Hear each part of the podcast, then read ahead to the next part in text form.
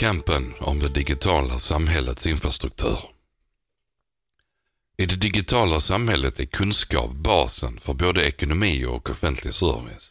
Den som kan kontrollera kunskapens infrastruktur kontrollerar därför också samhället.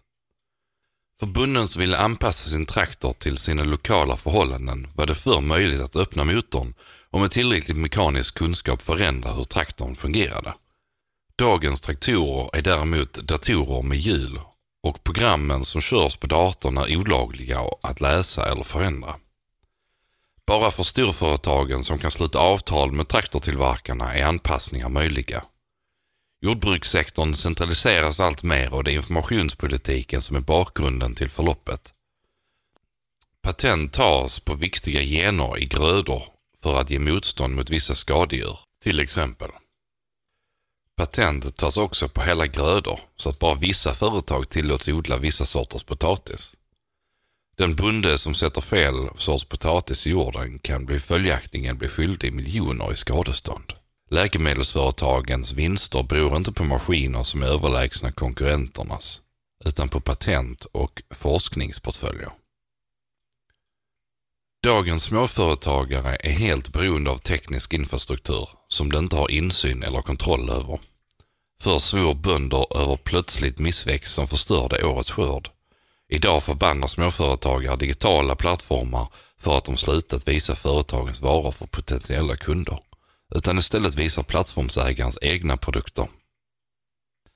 Nya lösningar och innovationer uppstår när kunskap sprids och tusen blommor blommar i försök att ta tillvara på den. Låses kunskap och information in och endast får användas för enskilda syften så hämmas utvecklingen. Informationsfrihet ger välstånd genom att skapa förutsättningar för mer kunskap och fler innovationer. Det gynnar såväl den som vill starta ett företag som den som vill köpa en hållbar glödlampa. Det som kontrollerar information, AI och digital infrastruktur kommer att få mycket stort inflytande över hur framtidens institutioner och samhälle formas. När skolor använder digitala läroplattformar kan det som skapar plattformarna styra den praktiska läroplanen.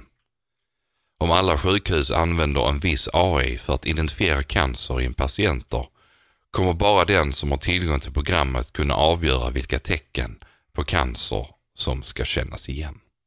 Ifall bussarna kör sig själv bestämmer tillverkaren hur de ska köra.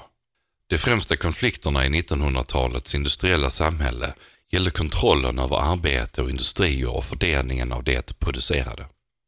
I vårt digitala 2000-tal kretsar istället de stora konflikterna runt tillgången till och kontrollen över information, kunskap och teknisk infrastruktur.